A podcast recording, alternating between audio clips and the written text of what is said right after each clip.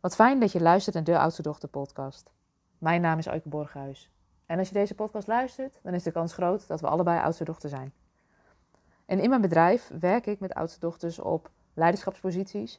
En deze podcast is ehm, een plek waar ik mijn inspiratie met je deel over dingen die ik meemaak in mijn ja, leven en werk. En waarvan ik denk dat jij daar misschien ook baat bij kan hebben. En in deze aflevering wil ik het graag met je hebben over dat oudste dochters vaak helden op sokken zijn. Of heldinnen op sokken zijn, moet ik je eigenlijk vertellen. En nu zul je misschien denken, ja, maar dat is helemaal niet waar. Maar laat me eens even meenemen wat ik regelmatig zie gebeuren en waar ik mezelf ook nog wel eens op betrap. Als je oudste dochters vraagt naar hun droom, hun verlangens, dan weten ze het vaak niet zo goed. En dat is ook niet zo gek. Want oudste dochters gunnen zichzelf niet altijd de tijd en ruimte om vrij te dromen over wat ze zouden willen in hun leven en werk. Alleen op dat dromen over wat je zou willen kan al een rem zitten. Want al snel komt er dan zo'n stemmetje in je hoofd met: Ja, maar dat is niet haalbaar. Ja, maar dat kan helemaal niet. Ja, maar daar heb ik helemaal geen tijd, geld of energie voor. Over een paar jaar, als. Om vervolgens weer over te gaan tot het afwerken van de dingen waar ze zich verantwoordelijk voor voelen. Wat ik in de praktijk veel tegenkom, is dat oudste dochters hun dromen, wensen en verlangens uitstellen tot later. En dat is zonde. Want als je jezelf niet de tijd en de ruimte geeft om te dromen, dan hou je jezelf onbewust klein, terwijl ook jij kleine en grote dromen en verlangens hebt. Maar hoe kun je nou herkennen wat nou eigenlijk zo'n verlangen of droom van je is? Er is een heel klein woordje wat eigenlijk heel bepalend is in dit proces. En ik verklapte hem net al, het is het woordje eigenlijk. Eigenlijk zou ik wel een andere baan willen. Eigenlijk zou ik mijn bedrijf wel willen doorontwikkelen. Eigenlijk zou ik die droomreis met mijn gezin willen maken. Eigenlijk zou ik wel een huis willen met meer verbinding in de natuur. Eigenlijk zou ik me wel energieker willen voelen. De afgelopen week luisterde ik een training die ging over dat wij eigenlijk heldinnen op sokken zijn. En het woord sok staat voor succes, voor oordelen en voor keuzes maken. En de angst voor die drie dingen. En ik vond het wel een mooie metafoor, want we kennen het allemaal. De angst voor succes. Je kunt denken dat je minder tijd en ruimte zal overhouden voor de dingen die je echt belangrijk vindt, als je je dromen waarmaakt en succesvol bent. Wat ik regelmatig hoor is de angst dat je nog meer verantwoordelijkheid moet gaan dragen en nog harder moet gaan werken als je dromen serieus neemt. Wat er ook kan gebeuren is dat je het stemmetje hoort in jezelf: straks val ik door de mand. En deze zelfsabotage is onbewust vaak aanwezig. Oudste dochters denken nog wel eens dat ze bang zijn om te falen, maar eigenlijk zijn ze bang voor wat er zou gebeuren als het lukt en ze succesvol zijn. Want succes gaat voor oudste dochters over betekenisvol zijn. Datgene doen wat je goed kan en daarmee het verschil maken. En weet ook, je hoeft niet je hele leven rigoureus over te gooien, overhoop te gooien, maar dat mag ook stap voor stap. Wat er ook vaak gebeurt is dat oudste dochters bang zijn voor de oordelen van anderen. Oudste dochters zijn vaak bang voor de oordelen van anderen en vragen zich dan af: wat zullen anderen er wel niet van denken? En hierbij komt het stemmetje van vroeger, van doe maar normaal, dan doe je al gek genoeg, regelmatig voorbij. En zo had ik zelf in het voorjaar het idee opgevat om een feestje te geven, omdat mijn bedrijf op 6 september 10 jaar bestond.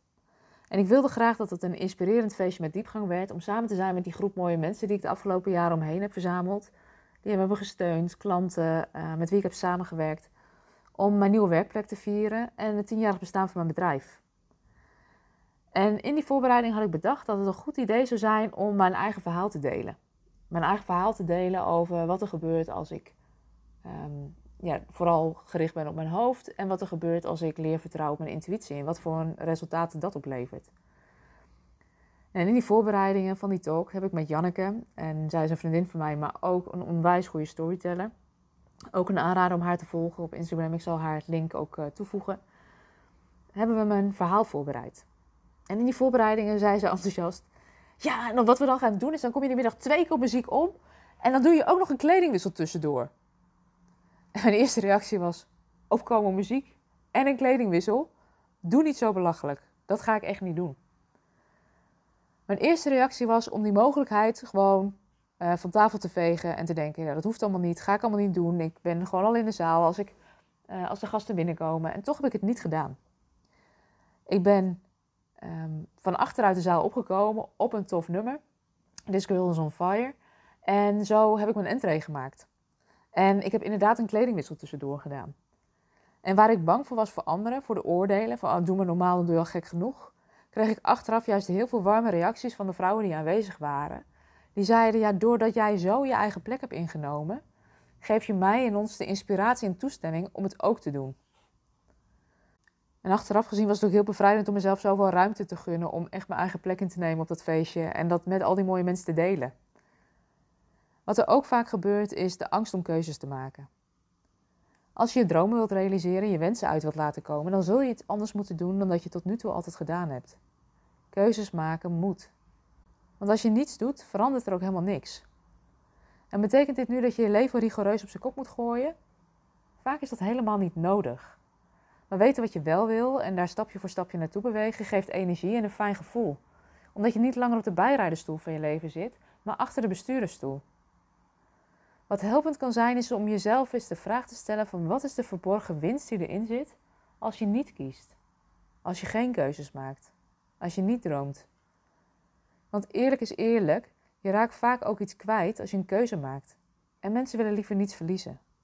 Dat is herkenbaar voor ons allemaal, denk ik. Maar wat is dan je eerste stap? Wat ik veel zie bij oudste dochters is dat ze het gevoel hebben dat ze wel weten wat ze niet meer willen, maar dat ze nog niet weten wat ze wel willen. En doordat ze dat nog niet helemaal helder hebben en krijgen, blijven ze doen wat ze altijd doen. En de kans bestaat dat je al een tijdje in je eentje aan het nadenken bent over wat je volgende stap zou kunnen zijn, maar dat je het antwoord niet helder krijgt en daardoor blijft doen wat je al doet. En dat is heel logisch, want wat er gebeurt is dat je waarschijnlijk de oplossing probeert te bedenken met je hoofd. Maar daar ligt het antwoord niet. Want als de oplossing in je hoofd had gezeten, had je hem al lang gevonden. Weet dat als je dit herkent, dat je je vraag niet helder hoeft te hebben om in beweging te komen.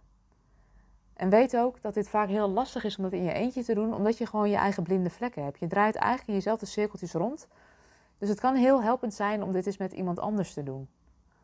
En dit kun je natuurlijk eens met een vriendin doen, maar weet dat wij ook graag met je meekijken om te kijken wat zou je volgende stap kunnen zijn. En weet dat als je dat wil, dat je altijd een afspraak met ons mag maken. Want ik denk dat je lang genoeg een heldin op sokken bent geweest en dat het aan jou de uitnodiging is om echt een heldin te worden in je eigen leven, in je eigen verhaal. Want er is niemand anders die dit kan doen. Dus uh, trek je stoute schoenen aan en maak een afspraak. Je bent van harte welkom. Ik wil je bedanken voor het luisteren naar deze aflevering van de Oudste Dochter podcast. Ik heb je een beetje willen prikkelen en inspireren om in beweging te komen, om groter te durven dromen dan dat je nu doet. En mocht je nu voelen, ik ben toe aan die volgende stap, maak dan gerust een afspraak met ons. Je kunt onze gegevens vinden in de show notes bij deze aflevering of even een kijkje nemen op de website www.oudstedochter.com en dan kun je bij persoonlijk gesprek een afspraak met ons aanvragen. Weet dat we je graag ontmoeten en um, een hele fijne dag. Mocht je deze podcast nou interessant vinden, abonneer je dan. Dan krijg je een berichtje als er een nieuwe aflevering online staat. Je mag deze podcast natuurlijk ook delen met iemand anders voor wie deze podcast waardevol kan zijn. Voor nu wens ik je een hele fijne dag en graag tot snel.